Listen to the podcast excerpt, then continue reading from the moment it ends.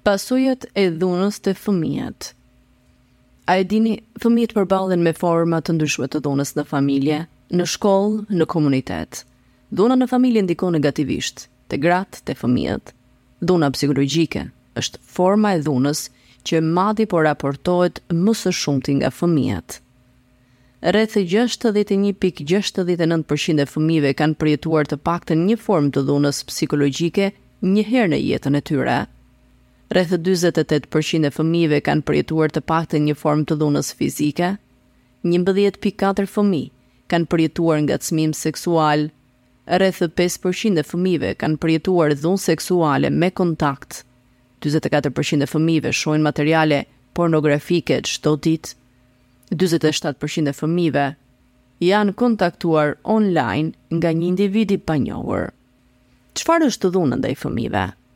Dhuna ose keqtrajtimi ndaj fëmijëve është çdo formë e dhunës fizike, emocionale apo seksuale.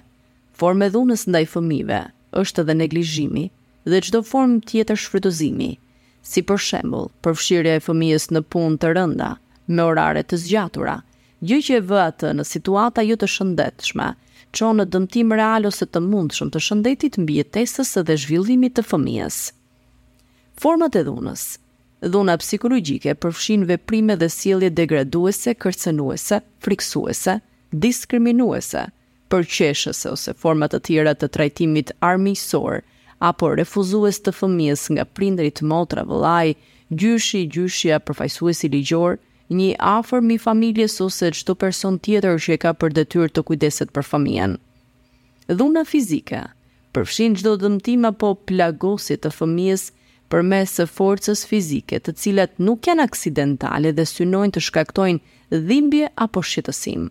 Abuzimi seksual përfshin çdo veprim apo aktivitet seksual për përfitim ose kënaqësi seksuale të abuzuesit pavarësisht nëse fëmija pranon apo jo. Neglizhimi lidhet me mungesën e kujdesit dhe vëmendjes me ose pa qëllim nga prindërit kujdestarët ndaj nevojave të fëmijës për strehë, siguri, mbikëqyrje, ushqim, shëndet dhe arsim, që sjell dëmtim fizik dhe, apo emocional të fëmijës. Bullizmi, është përdorimi i forcës, apo abuzimi në formë të përsëritur i një fëmije apo grupi fëmijësh, për të frikësuar një fëmijë apo grup tjetër bashkëmoshatarësh. Ai shoqërohet me dhunë fizike apo psikologjike dhe ndodh me ata fëmijë të cilët ngacmuesit mendojnë se nuk përshtaten dhe sillen në shoqëri. Dhe, dhuna online, e cila nënkupton përdorimin e internetit për të kërcënuar, ngacmuar apo poshtëruar një fëmijë duke dërguar mesazhe me përmbajtje jo të përshtatshme, e-mail, fotografi dhe video të cilat mund të jenë tronditëse tek fëmijët. Cilat janë pasojat e dhunës tek fëmijët? humbja e besimit tek të rriturit, rezultate të ulëta në shkollë, ulja e vlerësimit për veten, mësohet të bëhet dhunues, mëson të gënjejë për të shmangur dhunën, vështirësi gjatë adoleshencës, kryerje e kundravajtjeve të ndryshme, abuzim me alkoolin dhe drogën, shndërrimi në prindër që abuzojnë fëmijët e tyre. Afro një në dy fëmijë dhunohet fizikisht apo psikologjikisht. Ky fëmijë ka nevojë për ndihmë.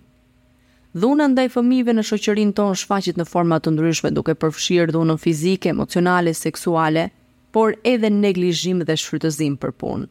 Njohja dhe raportimi i hershëm i formave të dhunës tek fëmijët mundet të parandalojë pasojat e tmerrshme të saj mbi personalitetin e tyre.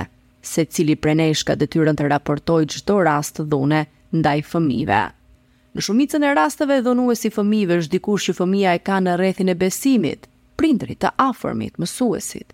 Dhuna nuk është mjet disiplinimi dhe fëmijët duhet të mësohen të mos e pranojnë atë dhe të kërkojnë ndihmë.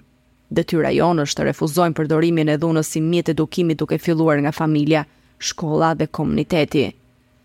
Çdo fëmijë ka të drejtë të rritet i lirë nga dhuna, neglizhenca dhe shfrytëzimi.